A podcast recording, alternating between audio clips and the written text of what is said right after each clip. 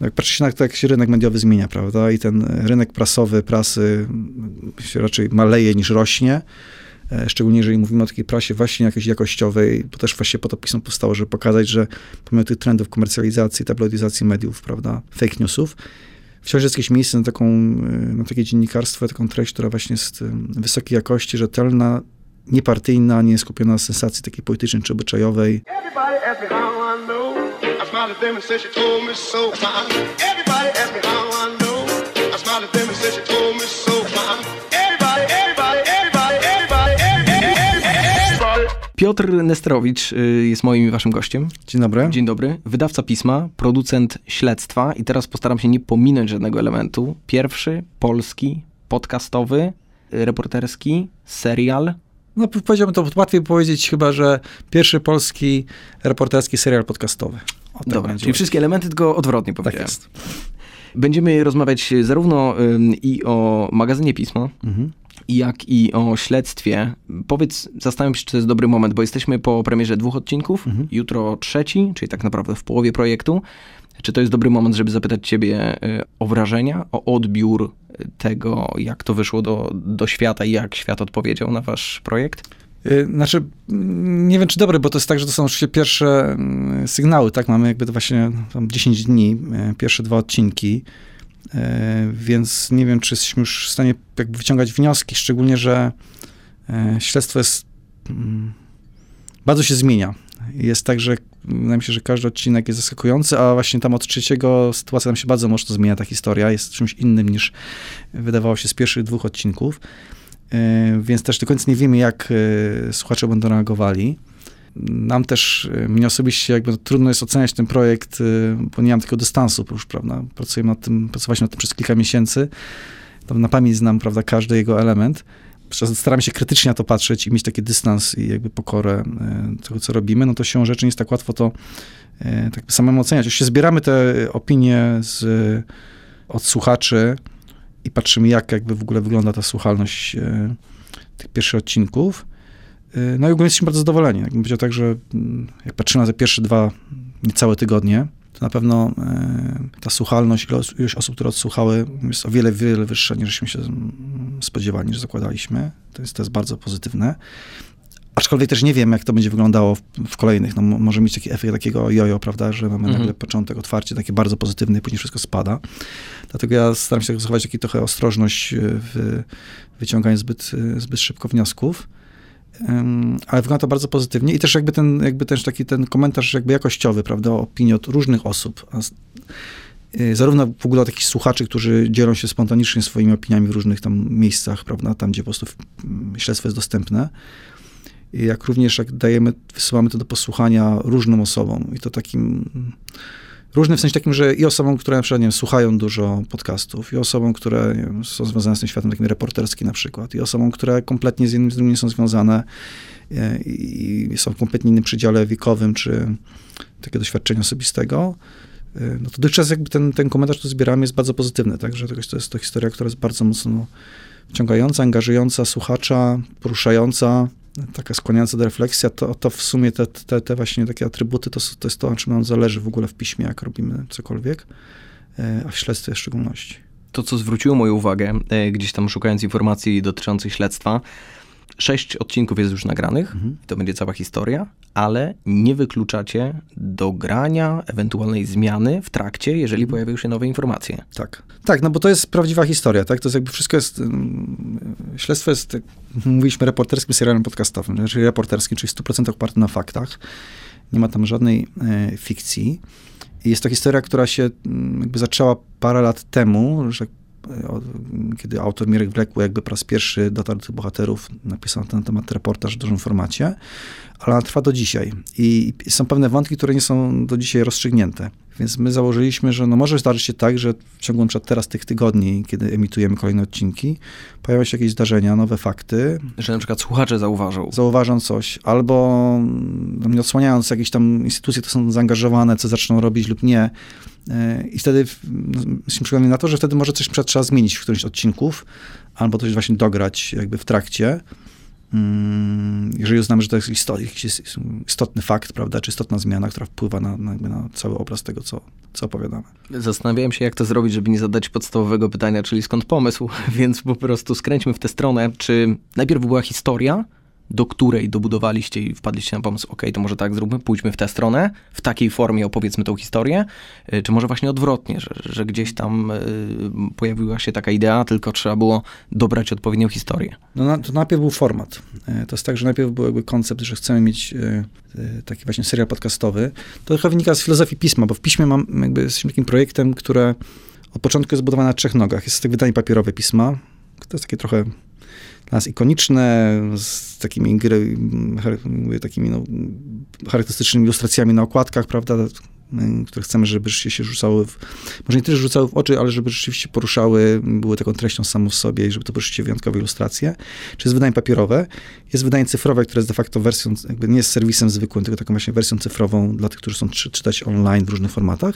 I od początku mamy wydanie audio, czyli od samego początku e, chcieliśmy też mieć e, wydanie audio pisma, które w pierwszej fazie było e, tym, że wszystkie teksty mamy czytane, prawda, nagrane i czytane na bardzo dobrym poziomie takim jakościowym, jeśli chodzi o ten, tą jakość tego nagrania, e, bo wierzymy w to, że mm, jak patrzy się na to, jak się rynek mediowy zmienia, prawda, i ten rynek prasowy, prasy mm, się raczej maleje niż rośnie, szczególnie jeżeli mówimy o takiej prasie właśnie jakiejś jakościowej, mm, bo też właśnie po to pismo powstało, żeby pokazać, że pomimo tych trendów komercjalizacji, tabloidyzacji mediów, prawda, rzeczy wokół tego, fake newsów, wciąż jest jakieś miejsce na, taką, na takie dziennikarstwo, taką treść, która właśnie jest wysokiej jakości, rzetelna, niepartyjna, nie skupiona na sensacji takiej politycznej czy obyczajowej, gdzie wszystkie teksty, dane są weryfikowane, jest weryfikacja faktów.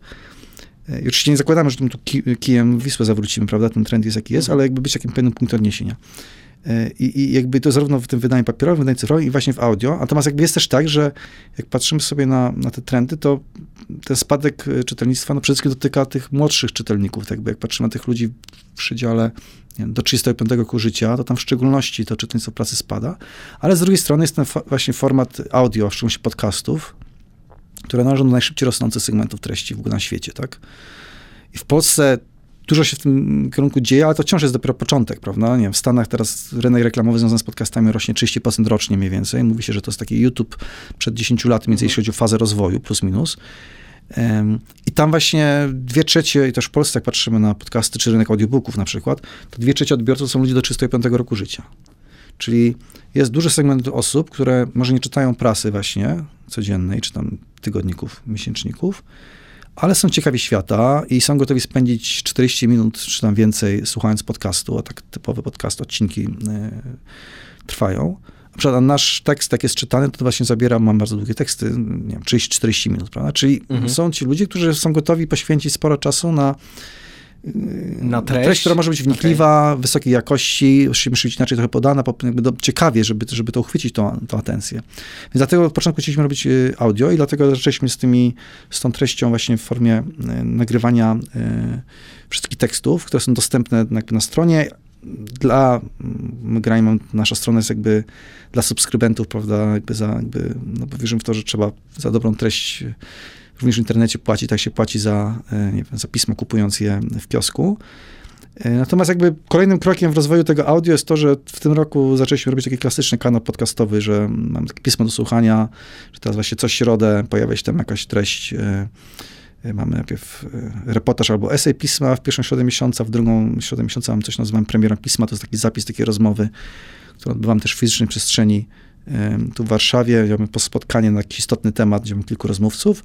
Później mamy w kolejną środę taki rzecz bardziej literacką, oczywiście to jest poezja, właśnie pisma i rzeczy wokół tego. I w, ostatni, w ostatnią środę taki podcast na temat tego, jak naprawić przyszłość, czyli jak ma świat wyglądać, wyglądać za 30 lat, w roku 2050.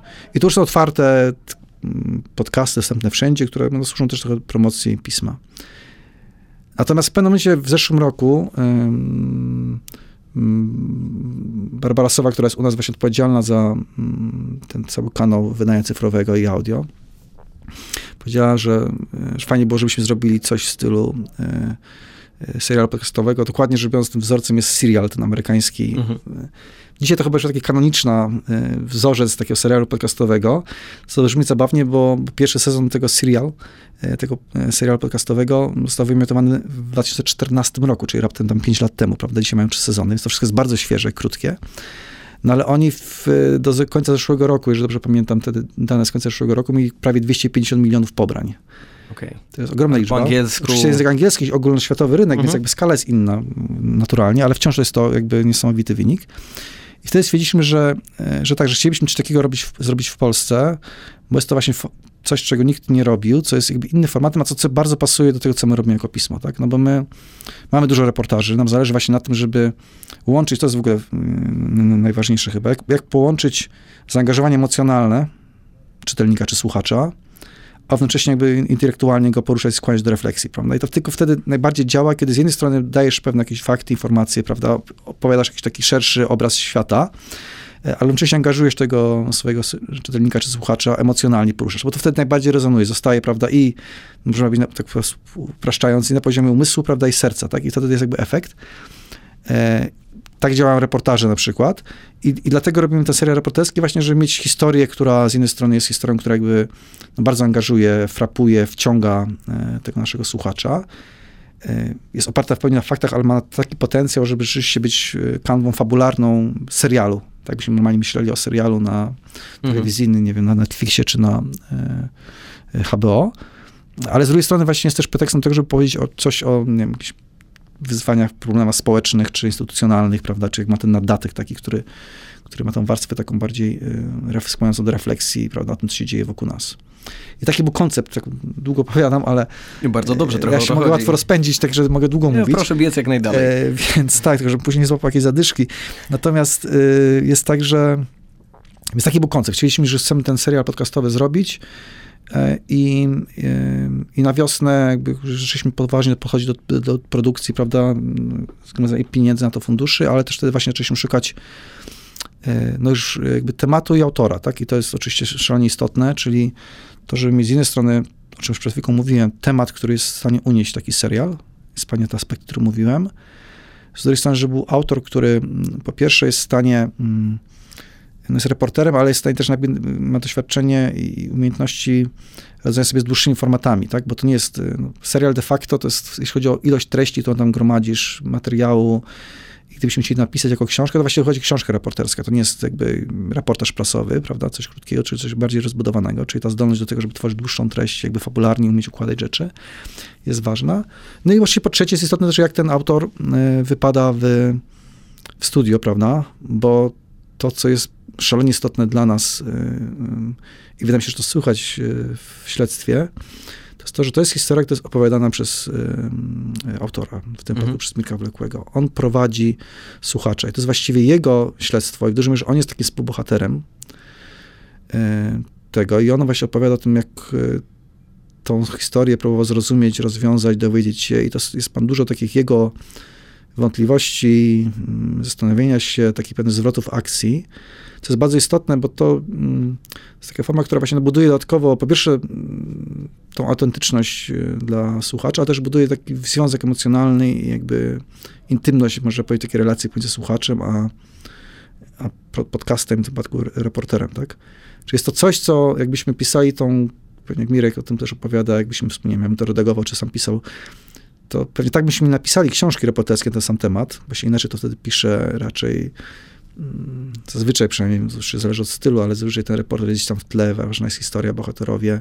Innym językiem w ogóle się opowiada to jakby pisząc tą samą historię, a inaczej kiedy się to jakby pisze scenariusz. Podczytanie, podmówienie. Dokładnie, podmówienie tego, gdzie to jest jakby takim no, przewodnikiem, prawda, i są jakieś momenty, w których literalnie tam nie wiem, Mirek czyta jakiś krótki fragment, ale są też fragmenty, w których on jakby na kanwie tego, co ma napisane, właściwie on mówi, prawda, i opowiada. Więc jakbym miał powiedzieć dokładnie, jakby jaka jest wersja scenariusza, którą e, słuchacze słyszą, to wydaje mi się, że nie ma takiej, która jest dokładnie tą wersją, która Finalnej nie ma zapisanej na papierze. Jest jakaś taka, która jest ostateczną, ale, ale to, co jakbyśmy mieli teraz spisać, sobie zrobić transkrypcję z tego audio, no to, to, to brzmi inaczej, prawda? Więc tak, no więc jakby najpierw był ten format yy, i koncept tego, że coś chcemy mieć, a później zaczęliśmy szukać tematu i autora. Zbierałem trochę komentarzy od znajomych, e, od osób, które słuchały pierwszego czy drugiego odcinka i czekają na trzeci, mhm. bo najczęściej takie są reakcje. I wiele osób zwróciło uwagę na to, prawie wszystkie, jeżeli chodzi o oprawę tego, to co powiedziałeś chwilę przed rozmową, że, że, że to jest trochę inny podcast, aniżeli dwie osoby siadają w studiu, tak jak my teraz rozmawiamy, dogrywamy dżingiel z przodu, z tyłu i dziękuję. Mm, interesuje mnie to, jak bardzo rozbudowany jest to projekt, to znaczy ile osób było w niego zaangażowanych. No, sam projekt nie jest bardzo rozbudowany, bo można powiedzieć, że jeśli chodzi o stronę jakby producencką, to jakby ja i, ba, i Basia Sowa y, ze strony pisma, są dwie osoby, które jakby zajmowaliśmy się jakby produkcją tego. Mirek Wlekły, który jest y, autorem y, reportażu. I do tego mamy osobę ze studia, czyli z Osorno, które jest nie wiem, moim zdaniem chyba jednym z najlepszych, bo najlepszym studiem w Polsce, jeśli chodzi o nagrywanie jakby audio rzeczy, słuchowisk. E, podcastów, prawda, takich treści w ogóle audio, robią bardzo dobre rzeczy i mają doskonały warsztat i styl i takie czucie w ogóle tego, czy mówimy, co dla nas było bardzo istotne w wyborze. I tam mm, były to zaangażowane dwie, trzy osoby od nich, które, które jakby prowadziły całość tego nagrania, plus jeszcze mamy, i to jest właściwie taki główny zespół, mamy jeszcze lektorkę e, Agatę e, Turkot, która tam czyta pewne fragmenty dla których nie mamy nagrań e, rozmówców, prawda, bo no, cały podcast, ponieważ jest to, jak powiedzieliśmy, historia rzeczywista, to jest tak skonstruowana, że no, narratorem jest Mirek i on prowadzi przez całą opowieść, tak. Dodatkowo mamy nagrania bohaterów, rozmówców, osób, do których on dotarł, prawda, i one są autentycznymi nagraniami, które są wgrane, e, wykorzystane e, w serialu no i mamy takie fragmenty, w których albo, nie wiem, rozmówcy się nie zgodzili, żeby być nagranym, albo mamy jakieś fragmenty z jakichś akt i tak dalej, które czyta lektorka, tak? Mhm. I to właściwie jest cały zespół, tak? Oczywiście mamy tam później kogoś, kto jeszcze napisał muzykę, która się pojawia w tle, mamy osobę doskonałą, e, doskonałą grafika, e, który, e, który robił tą grafikę, która ilustruje kolejne odcinki, więc tych osób jest jakby jeszcze kilka wokół tego projektu. No a to w sumie pewnie takiego pastowego zespołu to jest te, nie wiem, 5-6 osób. Czyli nie jest to duży zespół, ale, y, ale wydaje mi się, że jest tak, że mm, ważne chyba jest tutaj nie ilość osób, tylko jakby jakość tego zespołu, zaangażowanie i doświadczenie, tak? Jest to, o czym zacząłeś mówić, jeśli chodzi o samą stronę produkcji, montażu, udźwiękowienia, tak, no to mm, myślę, że pracowaliśmy z doskonałym tam zespołem po stronie Osorno osobami, i które rzeczywiście robią to bardzo, bardzo dobrze. Myśmy spędzili dużo czasu z taką atencją do najdrobniejszych szczegółów, jak ten, te odcinki zmontować, tak, żeby one rzeczywiście brzmiały doskonale, tak? Bo mm, tak powiedziałeś, my to bardziej podchodzimy do tego, tak jakbyśmy, mm, no jakbyśmy robili serial. Tak jakbyśmy robili serial, tylko że bez wizji, tak? Tak jakbyśmy robili serial, który jest oparty na faktach, prawda? Ale który miałby iść z zachowaniem wszelkiej proporcji, nie wiem, na Netflixie czy w HBO, tyle, że bez wizji, prawda, i jest oparte, e, czyli mamy i scenariusz planowany tak jak serialowo, gdzie mamy jakieś zawieszenia akcji, takie, prawda, które angażują e, słuchacza i zachęcają właśnie do tego, żeby czekał na kolejny odcinek. I do tego myślimy o muzyce i muzyce i dźwiękach w tle i jak to montujemy i w którym momencie powinna być pauza i w którym momencie jakby jak długo ona powinna brzmieć, więc jakby jest takich szczegółów, czasami bardzo drobnych, te naszym zdaniem w końcu się składają na efekt, który mm, mam nadzieję, że jakby dla, dla odbiorcy, słuchacza jest y, rzeczywiście takim efektem e, wow, bym powiedział, takim angażującym dodatkowo, poza tylko samą treścią, która jest istotna oczywiście. Mm, I to zarówno dla takiego słuchacza, który jest, nie wiem, mm, takim wyrobionym słuchaczem podcastów czy audio, prawda, albo słuchowisk, y, ale też dla kogoś, kto po prostu sięga po to, nie wiem, pierwszy raz mhm. E, i już się go to wciąga, tak, tak zasysa. A czy możemy powiedzieć, że śledztwo jest trochę taką odświeżoną, mądrze zrobioną, nowoczesną formą i rozbudowaną przede wszystkim reportażu radiowego albo nawet słuchowiska? Po części, ale nie wprost, bo to jest tak, że mm, no my na pewno czerpiemy, w Polsce jest bardzo duży jakby takie tradycja, doświadczenie no reportażu radiowego jak najbardziej i też słuchowisk radiowych. I na pewno z tego też czerpiemy, ale jest to inne, bo mm, w reportażu radiowym, jak posłuchamy sobie, nie wiem, reportaży nagradzanych na tych nagrodach Melchiora co roku na przykład, albo te, które można posłuchać sobie na, tam jest ten laboratorium, nie będę pamiętał nazwy, w Polskiego Radia, gdzie są mhm. bardzo dobre reportaże. Na przykład styl raczej jest taki, że zazwyczaj jest mało tam y, reportera, dużo jest jakby wypowiedzi. Dźwięków i tak dalej. Dźwięków i dużo jest wypowiedzi tych bohaterów, prawda, mhm. na przykład. On jest, reporter jest tam właśnie w tle, trochę jak mówiłem wcześniej na temat tego stylu. Z kolei w słuchowiskach y, zazwyczaj, i to teraz widać głównie w tym, jak są robione audiobooki, bo często wiele audiobooków jest robionych właśnie w formie takich dużych projektów y, z nagraniami. Torzy, postaci i tak dalej. Osobno przez zrobiło taką w ogóle monumentalną projekt Biblii Audio, gdzie całą Biblię jest nagrana, jest kapitalny projekt, ale ogromny, prawda? I to już jest taki teatr, prawda, czy film w sensie takim całej tej inscenizacji. My tutaj jakby mm, robimy to troszeczkę inaczej, bo mm, nam zależało na tym, żeby, no, jeśli chodzi o stronę taką warsztatową, to tak, żeby to było nagrane na najwyższym poziomie, prawda, z tymi właśnie elementami, ale z drugiej strony, żeby była pewna taka prostota, która buduje tą, tą, autentyczność. Czyli my tam nie mamy mm, gry aktorskiej i scenizacji. Czyli moglibyśmy sobie powiedzieć, że są niektórzy bohaterowie, których moglibyśmy, nie wiem, zamiast tego, żeby Mirek opowiadać, co oni mówią, czy ewentualnie mam tam lektorkę, prawda, żeby tam mieć kilka głosów aktorskich, żeby oni to interpretowali, grali, tak? Ale my stwierdziliśmy, że nie chcemy tego robić, bo nam bardzo zależy na tym, żeby budować to wrażenie autentyczności. To jest rzeczywiście y, historia w pełni oparta na faktach i to wynika zarówno z, jakby, no, z tego, że tak jest z warsztatu reporterskiego Mirka, ale też z tego stylu, prawda? Więc mamy to, jest, pod tym względem jest to proste, bo to y, tam nie mamy tych inscenizacji rozbudowanych. Oczywiście jest muzyka w tle mhm. y, i ogólnie to tam jakiś wątek muzyczny, który jakoś tam gramy, prawda, żeby jakoś budował też emocje i, i dźwięki w tle, które są bardzo dobrze dopracowane, ale też staram się, że one były takie y, delikatne, subtelne i przesadzone. Tam nie mamy jakby przesad, nie wiem, no nie, nie, właśnie nie imitujemy, nie wiem, trzaskania drzwiami i różnych innych rzeczy. Mamy jakieś tam dźwięki, które tam nawiązują do tego, o czym w tym momencie jest to, ale jakby nie przesadzamy z tym właśnie w tym kierunku. A z drugiej strony, tak jak powiedziałem, też jest tak, że ponieważ ten Mirek jest bardzo obecny i on to prowadzi, to jest troszkę inaczej niż w takim klasycznym reportażu radiowym, tak? Więc e, trochę nawiązuje, na pewno, tak? Jakby i, e natomiast jest jakby, jest ileś tam takich świadomych wyborów, które wierzę w to, że no zobaczymy oczywiście, jakby to, jakby mhm. to słuchacze osądzą, e, czy będzie to sukcesem, czy nie. Okej, okay, a jak dużym wyzwaniem było przekuć historię e, właśnie w serial? To znaczy chodzi mi o to, że e, sam reportaż w sobie jest interesujący, ale jednak podejrzewam, że trzeba było, żeby odcinek kończył się mhm. do, kropką, tak. E, żeby słuchacz, tak jak właśnie mówisz na zasadzie serialu, że... Czekał na kolejny jest, odcinek. Tak, ciekawe kolejnego odcinka i tak dalej. Jak dużo trzeba było, no y, wiadomo, że nie zmienić historii, ale, ale, ale jak bardzo trzeba było to powyginać? Y, wiesz, to znaczy, to jest tak, że no po pierwsze, mm, akurat ta historia, jakby, którą Mirek y, do nas przyszedł, w sensie zaproponował, to my właśnie po jednej, dwóch rozmowach to czuliśmy, że to, to jest to, że to ma ten okay. potencjał. Że ona, że ona ma po prostu tyle tam takich zwrotów akcji niespodziewanych rzeczy, że, mm, że stwierdziliśmy, no tak, tam widzimy od razu potencjał właśnie na, na, na taki serial, na takie kilka odcinków. Też taki fabularny, w sensie właśnie tych takich zwrotów akcji, twistów. E, później też było tak, że w trakcie, jak zbierał materiały szczegółowo, to w ogóle się okazywało wiele rzeczy, które myśmy się w ogóle nie spodziewali i on też. E, I tam jest dużo takich zakręceń akcji, gdzie my sami nie wiedzieliśmy właściwie, co jest tam prawdą i fałszem i to było zabawne chwilami, śmieszne, bo nie wiedzieliśmy dokładnie, jak ta historia sobie tam kilkakrotnie sami klaryfikowaliśmy, o co chodzi, y, więc zakładam, że bohaterowie... scenariusz, że tak, w którą stronę. To, no, a, a, ale później było tak oczywiście, że, że, że zastanawialiśmy się dobrze, jak mamy już tę całą historię mniej więcej, wiemy jak jest, tak ją ułożyć tak, żeby ona, żeby fabularnie właśnie y, y, działała. Mm, I tutaj oczywiście było takie no, sporo zastanawiania się właśnie, w którym miejscu jakby zawiesić akcję. Co kiedy powiedzieć, a czego nie powiedzieć, prawda? No są jakieś rzeczy, które, no wiadomo, że my dzisiaj wiemy, jak ta historia się dzisiaj przynajmniej kończy, e, ale jak ją powiedzieć tak, żeby właśnie mm, czytelnikowi nie, jakby pewnych rzeczy nie zdradzać.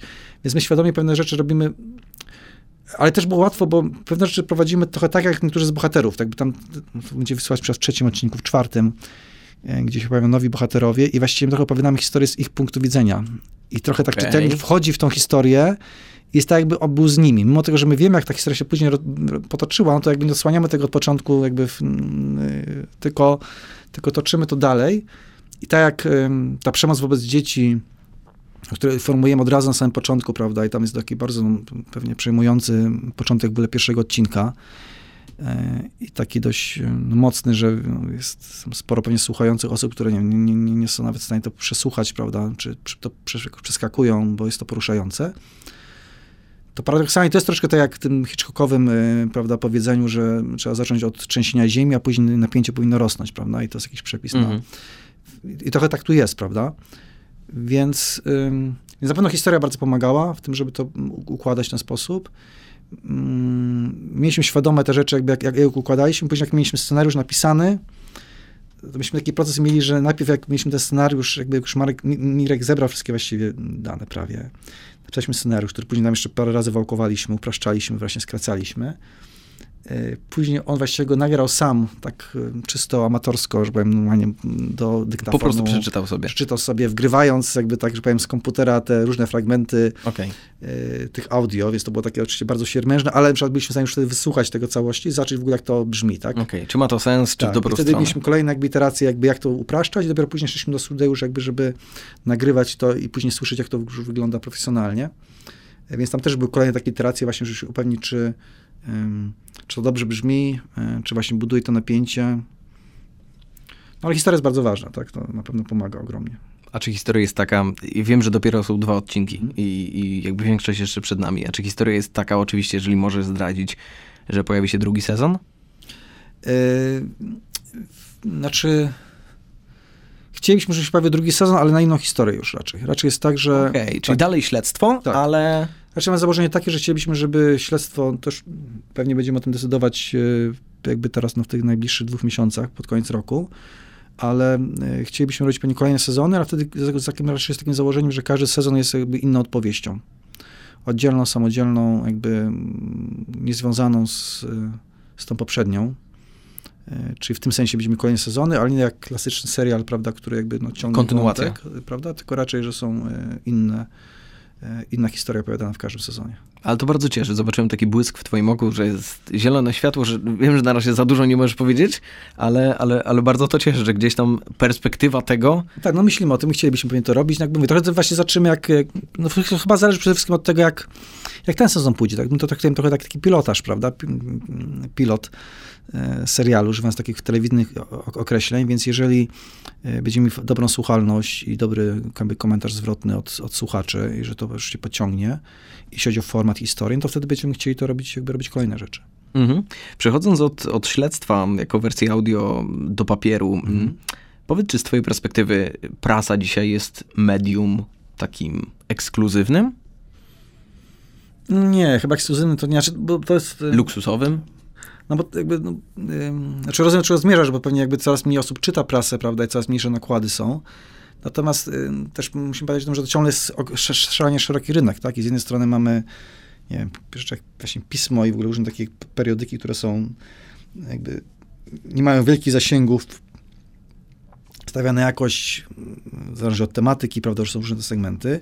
I później mamy przez, idziemy przez taką prasę codzienną, tygodniki, prawda, takie społeczno e, opinii, prawda, polityczne, aż po, no wiadomo, mamy tabloidy, prawda, które mają wyższe nakłady niż, e, niż prasa taka zwykła codzienna, mamy, nie wiem, takie rzeczy jak e, Angora, prawda, i jakby jakieś tam takie rzeczy, które by ciągle mają duże nakłady, i oczywiście, nie prasa kobieca na przykład, to jest kompletnie innym hmm, znaczy nie powiedziałbym kompletnie innym, ale innym e, jakby takim segmentem rynku, prawda, niż, e, na przykład, niż tygodniki, w tym sensie, że e, o ile na przykład patrzy się na, nie wiem, rynek reklamy prasowej, tak, który mhm. ogólnie jakby mm, szybko spada, maleje, jest zjadany okay. głównie przez online, tak, na przykład w prasie kobiecej to ciągle to, to, to, to, też spada, prawda, i są inne te wyniki, ale tam ciągle jest to jakby, jedno, jest, jakby jest istotnie duży, tak, i no tam to czytelnictwo jest inne niż przed w prasie takiej społeczno-kulturalnej czy, e, czy opinii.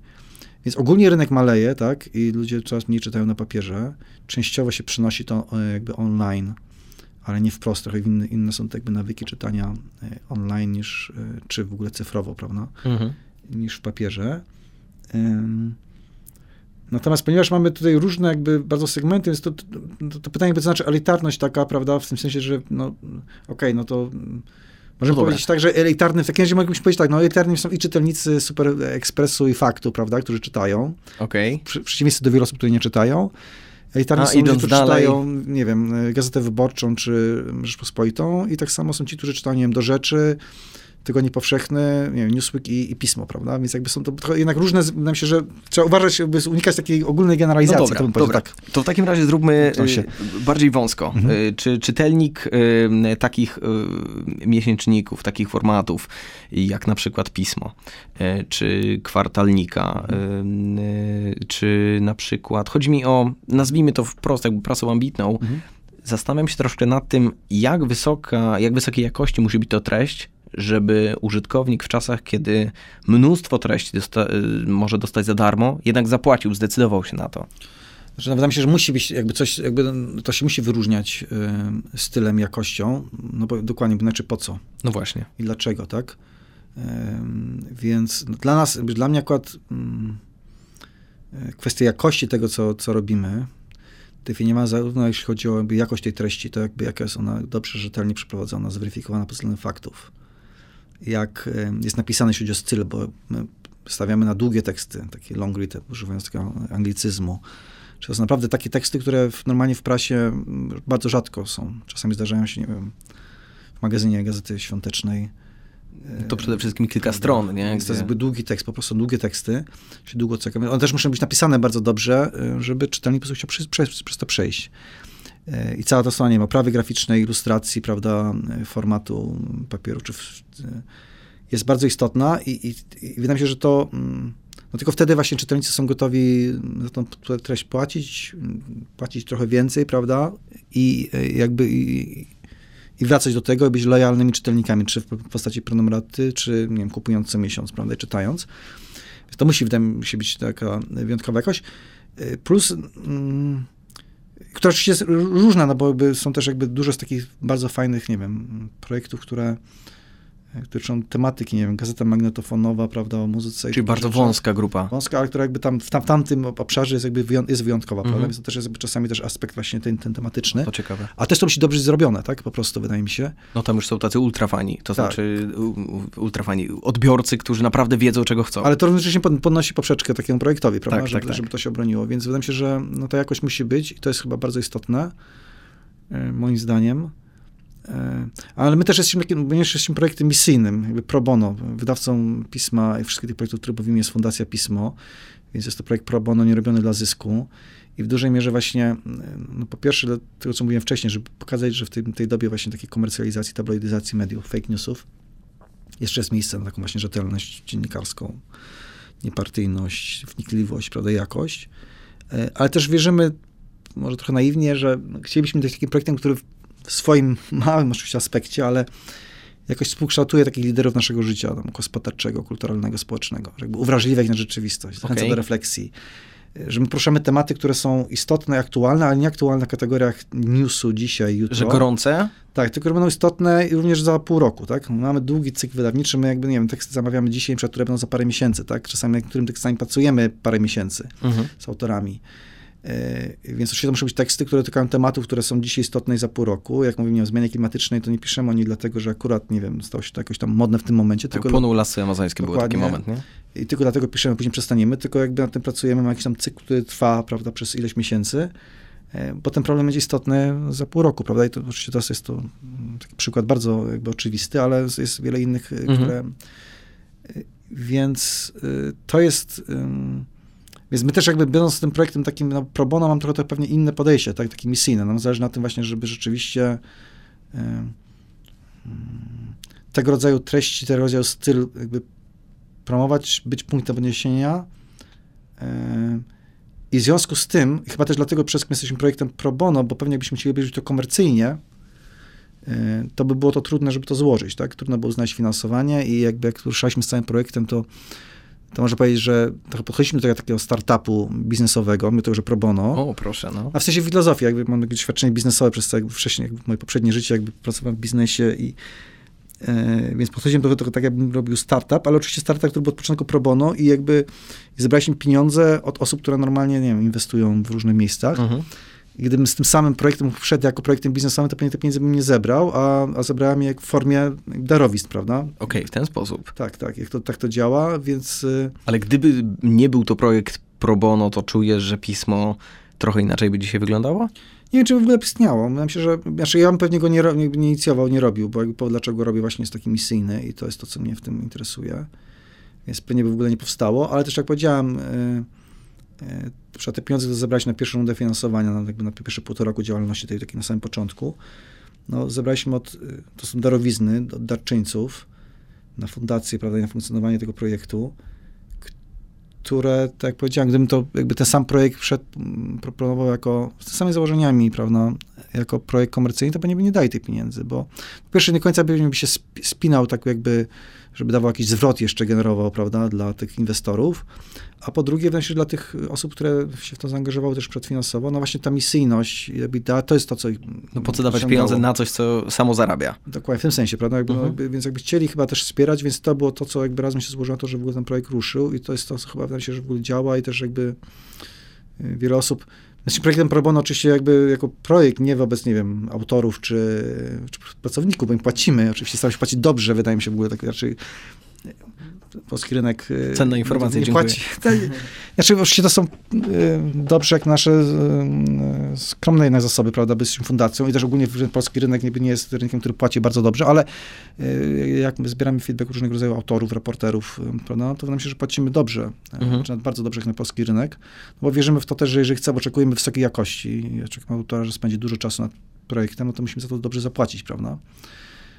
To też jedno za drugim idzie, więc jakby więc ten aspekt pro bono jest oczywiście jako całego projektu, ale jakby no, staram się, żeby ludzie, którzy z nami współpracują, e, mieli z czego żyć po Dokładnie, prostu. Dokładnie, i byli normalnie wynagradzani. Aczkolwiek jest też sporo osób, które z nami współpracuje, rzeczywiście jakby tak e, angażując się swój czas, czy jakoś tam zaangażowanie, czy swoją osobę, pro bono, prawda? Ale jakby to już jest ich mhm. jakby wybór, prawda, tego, żeby się podoba pomysł. A to dobrze mówisz, bo wydało mi się to teraz ciekawe. Chciałem zapytać, czy a czuć w redakcji taką inaczej i, i od razu, momentalnie mi się to skojarzyło z y, redakcją Radia Akademickiego, gdzie mhm. każdy zarabia jakieś grosze, jest na studiach, ale praca w tej redakcji sprawia mu taką frajdę, że ludzie mają 3 godziny program, a siedzą 9 godzin. Chodzi mi o to, czy... Mm, tak się teraz zastanawiam. Mhm. Czy przez to, że jest projekt pro bono, tak jak mówisz, jest takie poczucie misji w redakcji?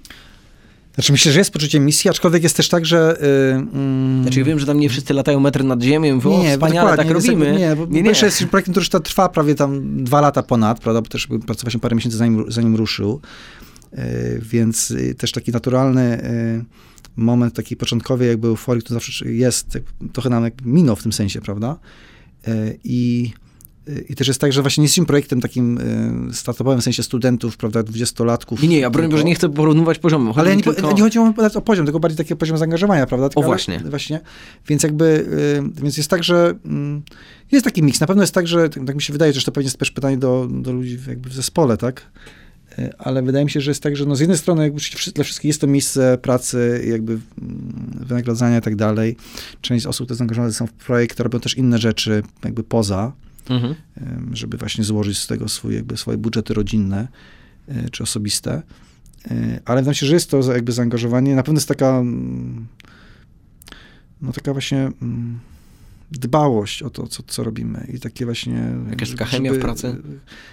E, tak, chociaż teraz bym powiedział, że ostatnio, ponieważ, znaczy nie ostatnio, w pewnym czasie, jakiś czas temu się przeprowadziliśmy do, do innego miejsca i teraz mamy, jesteśmy w dwóch pokojach, tam trzy, trzy pokoje, mam taką bardzo małą powierzchnię, to było zabawne, bo tam jakoś na wiosnę e, był taki moment, kiedy redakcja Wołka się podzieliła e, jakby takim na swoich mediach społecznościowych zdjęciami jakby z tych twojej jakby tam biur, powierzchni i tak dalej, które są takie bardzo dopieszczone i super piękne i my wtedy poprosiliśmy Filipa Springera, żeby trochę zdjęć od nas z redakcji. Okay. W stylu, jak to właśnie Basia Sowa, która opisywała tam ten post na Facebooku, pisała o tym, taki styl właśnie pomiędzy późnym Gierkiem i, i wczesnym Komorowskim mniej więcej. To jest taki bardzo siermiężny i taki startupowy. I mam teraz dwa pokoje i jakby jest tak akurat, że, że, że nasza mała redakcja, trzy osoby siedzą w jednym pokoju, a, a część zespołu właśnie do tych rzeczy właśnie takich audio cyfrowych i takich bardziej komunikacyjnych w drugim pokoju. E, I mimo tego, że dzieli nas tam 3 metry od siebie, to już czasami jest tak, że, że ta ściana nam y, przeszkadza, mhm. ale, y, ale wiem się, że jest tak, że jest na pewno, to jest ważne, chyba to najważniejsze to jest to, że rzeczywiście jest jakby, po pierwsze taka właśnie dbałość i zaangażowanie w to, żeby to, co robimy, było już jak najlepsze, tak? I każdy dokłada tych starań. Y, I jak coś nam nie wyjdzie, a zdarza nam się rzeczy, że mamy jakieś jakby większe lub mniejsze wpadki, to rzeczywiście e, jakby nie, nie, się z tego nie cieszymy za bardzo. E, ale też jakby, mm, ale też bez przesady. Ja akurat wierzę w to, że mm, nie można żyć tylko i wyłącznie jakby projektem, który się robi takim zawodowym. Okay. Do końca wydaje mi się, że jest wartość w tym, żeby mieć jakby pewien dystans do tego, co się robi, właśnie, żeby nie wpadać w taki pracoholizm i zaangażowanie. To jest ważne, i są kwestie, kiedy przed, nie wiem, no, trzeba przed przysiąść, żeby coś zrobić. O zamykanie numeru podejrzewam, Sprzedamy numer, dokładnie. Zawsze co miesiąc jakby coś redakcyjna ma pożar jakby właśnie przez dwa czy trzy dni taki, bo nie wszystko jest planowane, zawsze planujemy, zawsze się pojawiają jakby rzeczy na ostatnią chwilę. I tak jak teraz właśnie, jak pracowaliśmy nad, nad, nad śledztwem i te ostatnie tygodnie były tam ciężkie, to jest naturalne, tak? Ale ale to, to też nie może być stanem permanentnym, prawda? Nie jest tak, że cały miesiąc zamykam numer, tylko tam ostatnie dwa czy trzy dni. Mhm. I, I podobnie tutaj i ten, tą równowagę pomiędzy życiem zawodowym jak odwierza osobistym jest, ona jest bardzo ważna, tak? I też jakby mam się zdrowe i więc ym, więc ja przynajmniej, to jest takie jakieś moje podejście, prawda?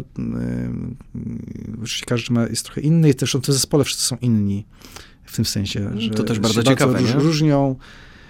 Co jest fajne, spowodować, że często czasami się kłócimy i mamy jakieś tam e, bardzo takie zażarte dyskusje. To też wydaje mi się, że cenne, bo jakbyśmy się nie wspierali i nie kłócili, wszyscy mieliby takie samo zdanie, to byłoby niepokojące w ogóle i raczej właśnie jakość tego, co byśmy tworzyli, byłoby byłaby słaba po prostu, bo wydaje mi się, że taka konstruktywna konfrontacja, prawda? Nawet między sobą. Właśnie jest, jest ważna, tak? Więc nie, no jakby ja no ale to trochę takie pytanie właśnie chyba do... Ja to właśnie Bardziej do, do pracowników? Dokładnie, do teamu, do zespołu, jakby, jak oni oceniają, jak mi się pracuje. I każdy będzie miał jakąś inną perspektywę, tak? To powiedz mi ze swojej perspektywy, y, czy internet y, powinno się traktować, czy internet jest bardziej dla prasy szansą czy zagrożeniem? Hmm. Jest, to pewno, znaczy jest zagrożeniem dla klasycznej prasy, bo jakby się zmienia, tak? Jakby, jakby ten klasyczny model funkcjonowania chyba jest inny, tak? Jakby w, więc pod tym względem tak.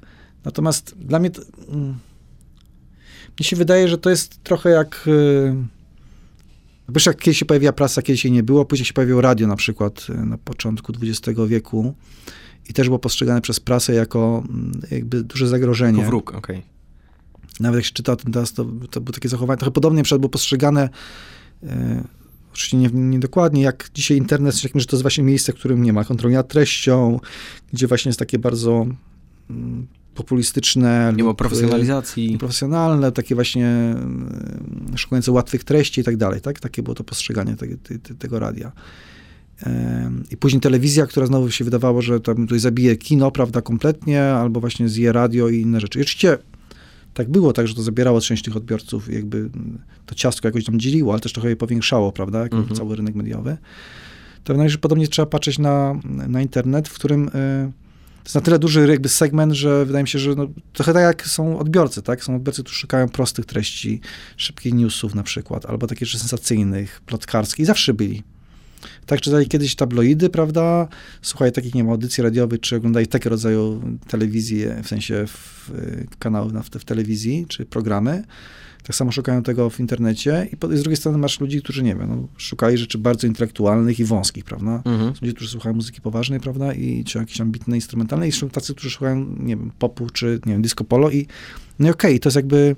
Ich wybór, no. Ich wybór, więc wydaje mi się, że, że, że jakby jeżeli się patrzy na tą zmianę w tych kategoriach, prawda, że to nie jest jakby, to wtedy ja bym powiedział, że to jest szansa, tak, bo wtedy może zacząć myśleć o tym jakby, okej, okay, no co w tym rynku jest nowego. Jak patrzymy sobie na tak ta teraz powoli te różne mm, formaty prasowe się odnajdują online, jakby jak rosną mhm.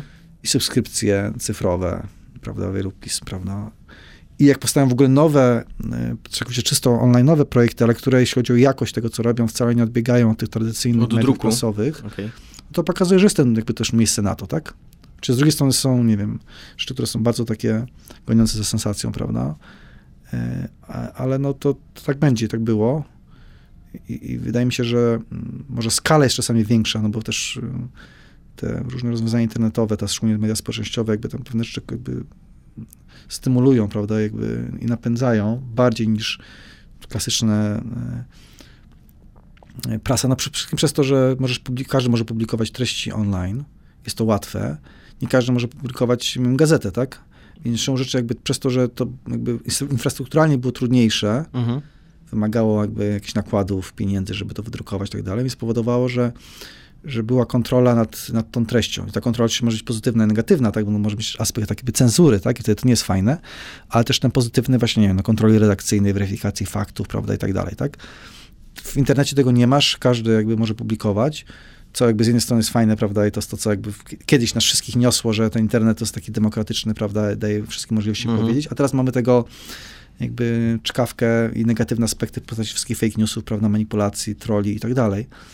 Mm, więc nie, ja, ja, ja, nie uważam że tego, że to jest jakby, mm, jakby takie zagrożenie w tych kategoriach. Czyli ja jestem taką osobą, nie wiem, lubię czytać na papierze, tak? Czytam książki papierowe, czytam okay, czyli ten, ten, ko ten, kontakt z tak, drukiem jest, jest, jest istotny. taki fetysz taki papieru tam jest dla mnie istotny. Okay.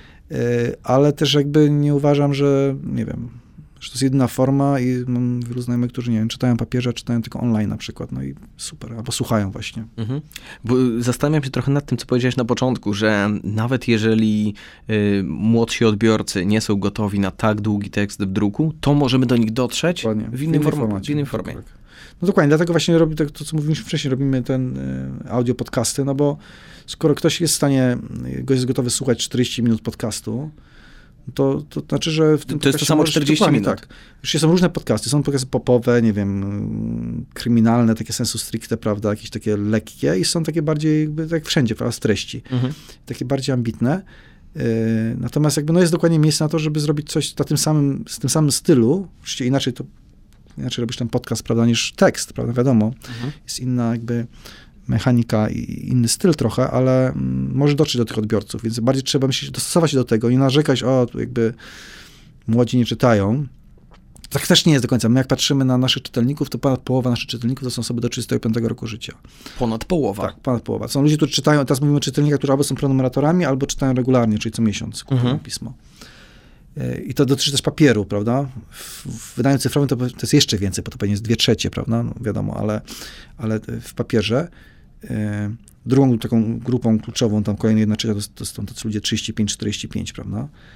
E, no więc to pokazuje, że, że jest sporo tych ludzi, prawda? Oczywiście mm, nie mówimy tutaj o setkach tysięcy, dziesiątkach, dziesiątkach tysięcy mm, odbiorców czy nakładu, no, ale, to... ale mimo wszystko jakby, więc jakby paradoksalnie, jakby, więc jest to zainteresowanie, więc też nie można wyciągnąć takich wniosków, że w ogóle nie czytają, mhm.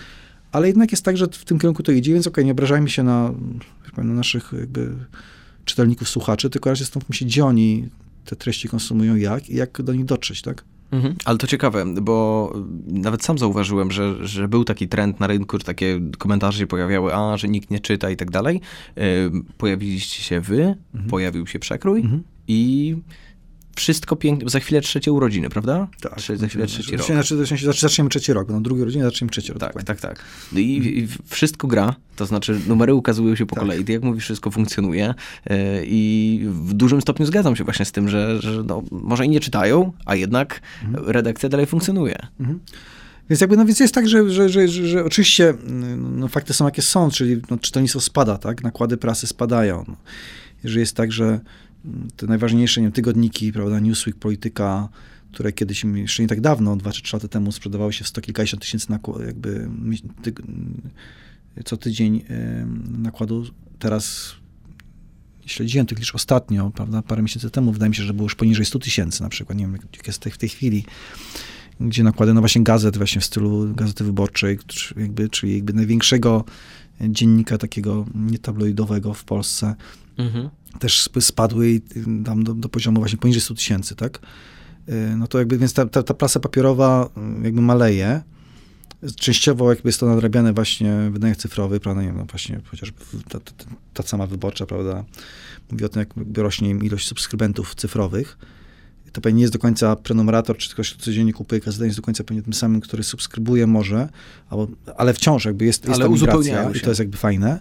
No bo oczywiście jest tak, że ten rynek jakby maleje, tak, więc jakby też nie możemy powiedzieć, że, że nie, że nagle mamy odbicie, wszystko rośnie. Jak patrzymy na czytelnictwo książek, no to jest ciągle tak, że to 10% tego społeczeństwa według badań Biblioteki Narodowej mhm. czyta więcej niż tam chyba 5 czy 6 książek w, rocznie. kilka rocznie co nie jest dużą ilością. I jeżeli dobrze pamiętam, to może skłamałem, a tam chyba też są częściowo, znaczy są studenci i też są chyba częściowo e, tacy uczniowie tych ostatnich klas licealnych, więc chyba się łapią też te e, lektury. Lektury, okej. Okay. E, więc to oczywiście nie jest, jakby to jest jakby bardzo mała liczba, prawda? Mhm. I to raczej jest teraz jakby w miarę stabilna, już nie, nie spada tak jak przez te wcześniejsze e, lata. To mm, nie, no, nie, nie możemy powiedzieć, że nagle się odbiło, że to czytelnictwo istotnie rośnie w Polsce. E, no ale, mm, ale też jakby, no, wydaje mi się, że trzeba by dostrzegać ten fakt, prawda, jakoś tam go adresować. No to pewnie, nie my robiąc pismo, to w jakiś sposób, nie wiem, zamiast tylko narzekać na to, co jest, to spróbujmy coś zrobić, E, na nasze jakby siły, zamiary e, z efektem i wydaje mi się, że tylko w ten sposób można jakby mm, coś pozytywnego stworzyć i próbować mieć jakiś efekt i wpływ właśnie na, tych, na to, co się dzieje wokół nas, a nie tylko o tym mówić, narzekać na przykład. A rozróżniacie w piśmie y, teksty czy publikacje, które pójdą do sieci, a które pójdą y, do druku? Nie, wszystkie idą tu i tu. Mam także jakby, że bo nasze wydanie cyfrowe jest jakby, jakby jest nietypowe, tak, bo my... Mm, My nie mamy takiego klasycznego serwisu informacyjnego, czy jakby newsowego. Takiego portalu. Portalu, dokładnie. Okay. Tylko dlatego właśnie używam słowa wydanie cyfrowe. Tak, mam wydanie papierowe, wydanie cyfrowe, a się wydanie cyfrowe jest, jest, jest de facto y, tym samym, co jest w papierze, to się ukazuje po prostu y, online, jest do czytania, czy to przez na komórce, czy na komputerze, prawda, czy mhm. tablecie, albo w wersji tam mobi, prawda, EPUB na czytnikach. Y, więc praktycznie to jest ta sama treść, tak? E, która się okazuje tak, mam pierwszą środę miesiąca zawsze wychodzi pismo papierowe, to wtedy też pierwszą środę miesiąca pojawia się nowe wydanie okay. online i on, ponieważ ono jest jakby e, jakby płatne, prawda, czyli za paywallem, więc mam taką filozofię, no, że okej, okay, tam dwa, trzy teksty pierwsze możesz przeczytać jakby całe, ale później już musisz się zarejestrować okay. i generalnie wykupić dostęp e, żeby móc korzystać i z treści tych bieżącej, też z archiwum, a ponieważ my mamy właśnie takie treści, jak mówiłem, które raczej się nie, nie dezaktualizują szybko, więc wydaje mi się, że to archiwum ma jakąś dużą wartość w sobie. E, no i postawimy ileś innych korzyści, które nam dajemy tym naszym subskrybentom. Tak, nie wiem. Mamy, ponieważ mamy bardzo fajne te układki, więc nie wiem, subskrybenci mogą sobie pobrać takie wersje do druku, że mogą sobie wydrukować przykład plakat mhm. z naszą okładką, bo, bo tam zamieszczamy plik, który jest na, na tyle, prawda, wysokiej duży, że można, sobie... że można normalnie wydrukować z niego duży plakat. Czy masz właśnie dostęp do wszystkich wersji audio, czy możesz sobie słuchać, czytać w takiej czy innej wersji, prawda, jak chcesz. Czyli to trochę, co pytałem na początku o ekskluzywność.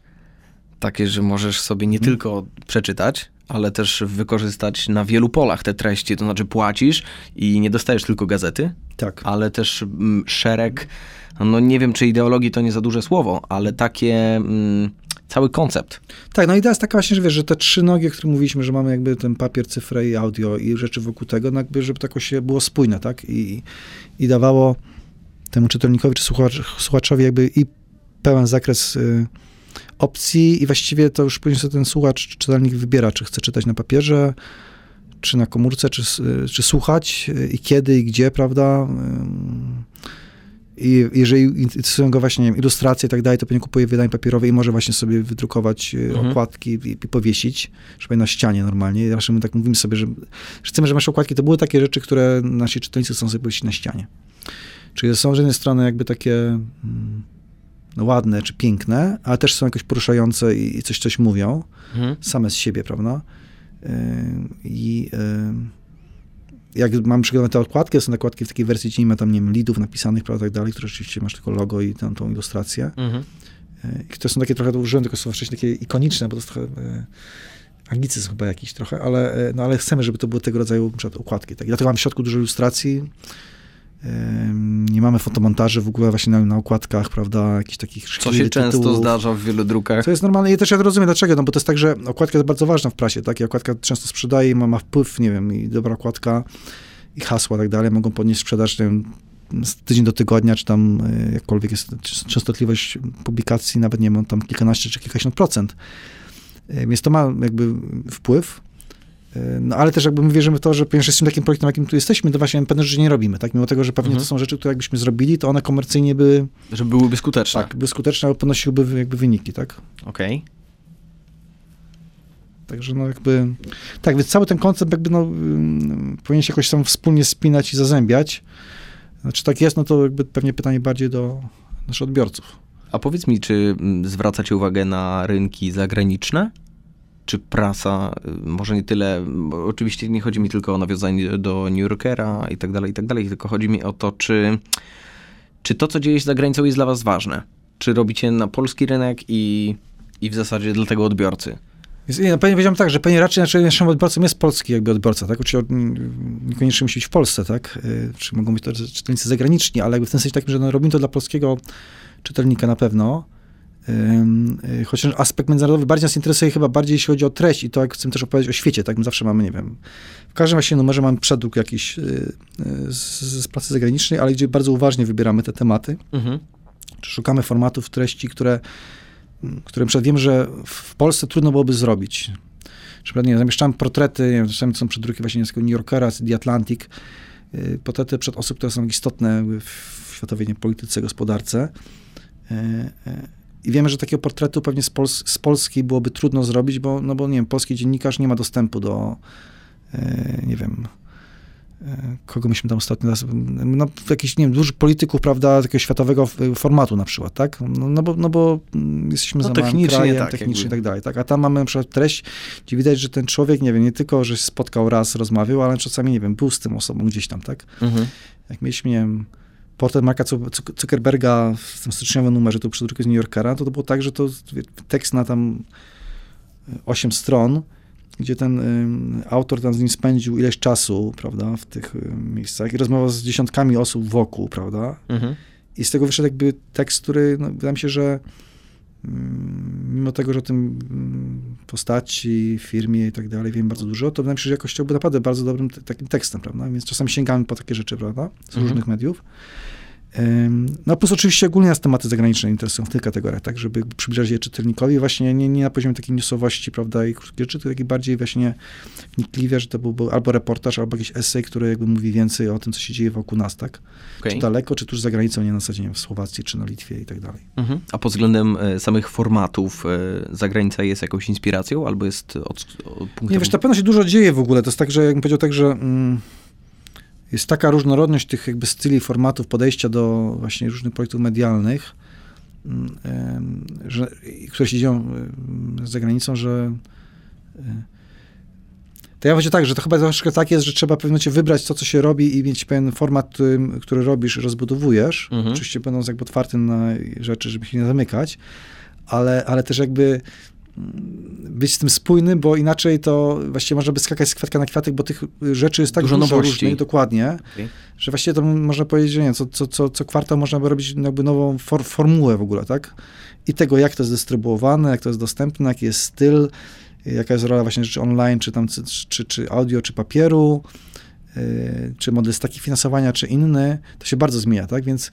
Yy, Ostatnio na przykład y, Magda Kicińska, która jest teraz redaktorką naczelną, y, jest redaktorką naczelną pisma, y, była w takim spotkaniu właśnie przedstawicieli takiej prasy niezależnej, powiedzmy, nie końca takiej takiej właśnie takich dużych tytułów prasowych. Mhm. Tu jest Europy Centralnej i Wschodniej, tam było sobie z Węgier i z Bułgarii, z różnych miejsc. I to było fajne dla niej, jak no, rozmawialiśmy, taka rozmowa tam tego, jak oni mają swoje wyzwania, problemy, pomysły, jakby jak szukają właśnie jakichś tam i formatów, i treści, i stylu, prawda? Więc jakby tego rodzaju dyskusje jak najbardziej, bo to myślę, że jest i po to, żeby budować jakieś tam relacje, kontakty, i też właśnie, żeby szukać inspiracji i trochę właśnie, żeby się nie zamykać w tym koncepcie, który, który robimy.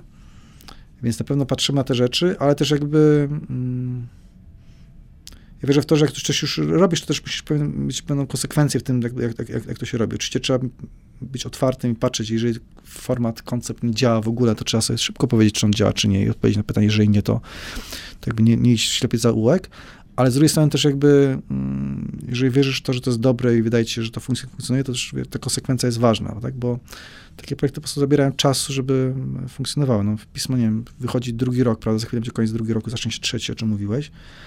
To jest ciągle krótko, no, to jakby no, zestawiając z innymi na przykład miesięcznikami? To jest jakby, to jest jakby krótki okres czasu, tak, więc jakby mm, jest, się powoli buduje świadomość jakby tej marki, czytel, bazy czytelników i samo się krystalizuje ta linia redakcyjna, e, więc myślę, że to raczej jest coś, coś, co chcemy by teraz budować, kontynuować i do tego dokładać nowe rzeczy. Tak jak mówiliśmy w tym podcastach, teraz właśnie zrobiliśmy śledztwo, które jest pewnym eksperymentem. Powiedzieliśmy sobie, ok, robimy w ogóle ten pilotażowy sezon i zobaczymy, jak on zadziała. Tak? Zobaczymy w ogóle, czy jesteśmy w stanie go zrobić na takim poziomie, jaki nam zależy. Mhm.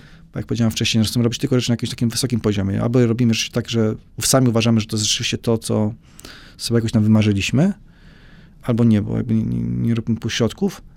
No i później oczywiście pytanie jest jakby, jak na to zareagują słuchacze. Tak? Jeżeli tak, no to wtedy idziemy dalej, tak? Mamy prototyp, prawda? I wchodzimy jakby wiesz, w taką fazę jakby kolejnych rozwoju, rozwoju tego, dokładnie. I wtedy, znowu, jeżeli ten nowy format zadziała, no to, to będziemy mieli kolejny sezon, może kolejny.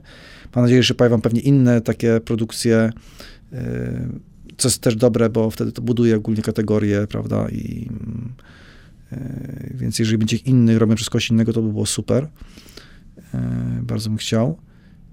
Bardzo byś chciał, żeby pojawiła się konkurencja. Tak, znaczy, bo ja, ja nie to konkurencję, bo wydaje mi się, że po pierwsze to jest jakby mm, rozmawialiśmy, format, który dopiero zaczęliśmy, tak? Mhm. Wydaje mi się, że będzie rósł. Jak patrzymy, nie widzę powodu, dlaczego to miał, nie miałoby rosnąć, jeżeli jest dobrze robione, tak jak rośnie, to właśnie czy w Europie Zachodniej, w krajach Beneluxu, czy tam w Holandii też się rozwija bardzo mocno, czy właśnie takiej e, w Stanach.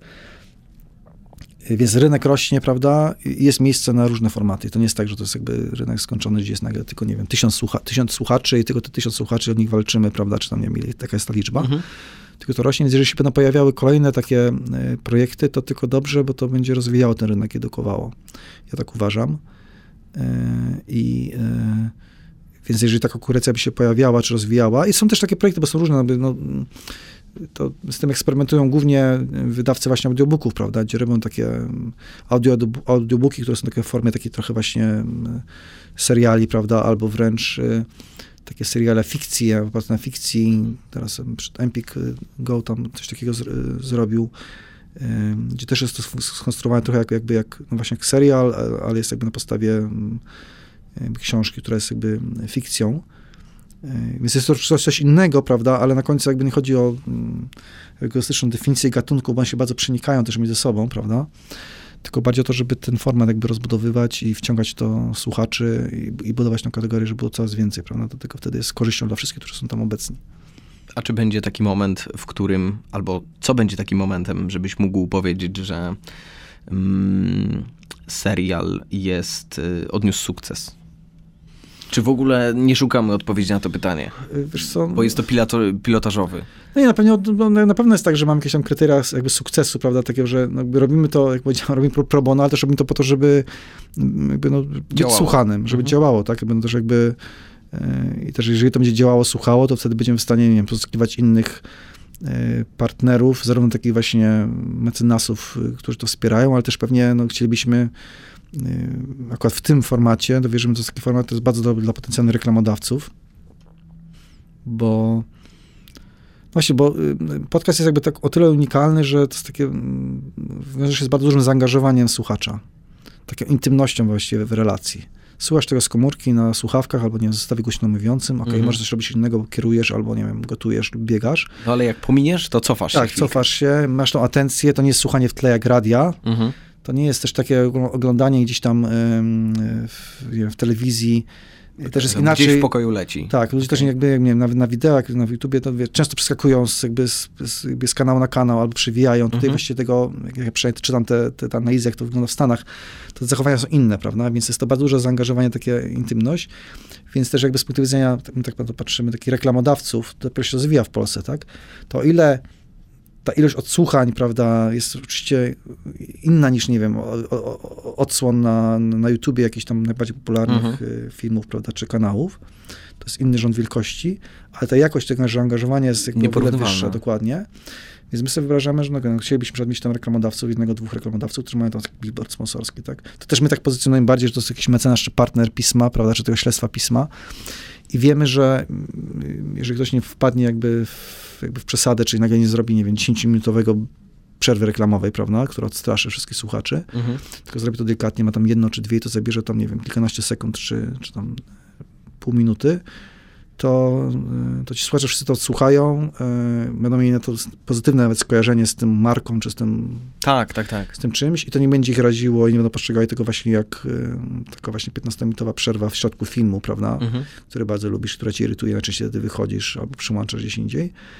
Mm, więc, więc oczywiście zależy nam na tym, żeby mieć dużą słuchalność, no bo to jakby też jest jakimś elementem, na którym później możemy budować jakby tą, to założenia kolejnych, robi, dokładnie, kolejnych odcinków, więc mam dużą słuchalność, no i po prostu dzięki temu potencjalnie tych partnerów, którzy no, później finansują nam ten, e, te kolejne odcinki, więc no i zobaczymy, jak to jest, prawda? No, nie, no, jak patrzymy na te pierwsze dwa tygodnie, to wygląda bardzo fajnie. Sobie powyżej naszych oczekiwań, jeśli chodzi o liczbę tych odsłuchów. Tak powiedziałem, no trochę trudno powiedzieć, y, za wcześnie chyba, żeby oceniać, jakby jak to będzie wyglądało. Okay. Poczekamy te mm, jeszcze kolejne cztery tygodnie, aż cały sezon jakby przejdzie. Też jest tak, że w tych serialach podcastowych charakterystyczne jest to, że charakterystyczne jest to, że e, no one żyją dalej, tak? Wiesz, one mówią, są, nie są news, newsem, nie są treścią, która dotyczy tego danego momentu. Ta historia, to jest jak serialem telewizyjnym, powiedzmy. Tak, tak? No tak. jest często tak, że e, teraz mówię tych seriali, które nie są bardzo promowane, prawda, albo które już są kolejnym sezonem, nie wiem, czy wszyscy czekają na to, ale są nowe. Często one tak zaczynają być oglądane post factum, prawda, gdzie Kilka szerzy, po produkcji. Po produkcji, albo tam, czy tam kilka lat, czy kilka miesięcy, ale gdzie ta masz pierwszych ludzi, którzy oglądają, mówią, zachęcają innych i nagle się okazuje, że to jakby rośnie, powie się taka kula śniegowa mm -hmm, i -hmm. często jest tak, że ta największa oglądalność się buduje i wcale nie jest w momencie, kiedy emisji, ale na przykład, nie pół roku później, czy rok później, czy, czy jakoś tak, tak? Okej, okay, jak dotrze do wszystkich. Dokładnie. Ludzie też wracają do tego, więc to też tak jest z tymi serialami podcastowymi, że e, tymi reporterskimi, że one żyją jakby i ta słuchalność się buduje w czasie, tak? Bardzo, bardzo dziękuję. I trzymam kciuki, żeby rosła słuchalność jak szalona, żeby dotarła jak najdalej, bo z mojej perspektywy, y, jako troszkę człowieka z branży, to no można powiedzieć, podnieśli się poprzeczkę niesamowicie wysoko. To znaczy, ja jak zbierałem komentarze, to wszyscy słuchali tego i mówią, y, no kurczę, ale to jest tak rozbudowane. Y, to jest jakby na tym poziomie, że, że podejrzewam, że chwilę zajmie, żeby ktoś was dogonił. No jakby zobaczymy, ale dziękuję. No, cieszę się, podoba, to najważniejsze. Bardzo dziękuję, trzymam kciuki. Dzięki. Everybody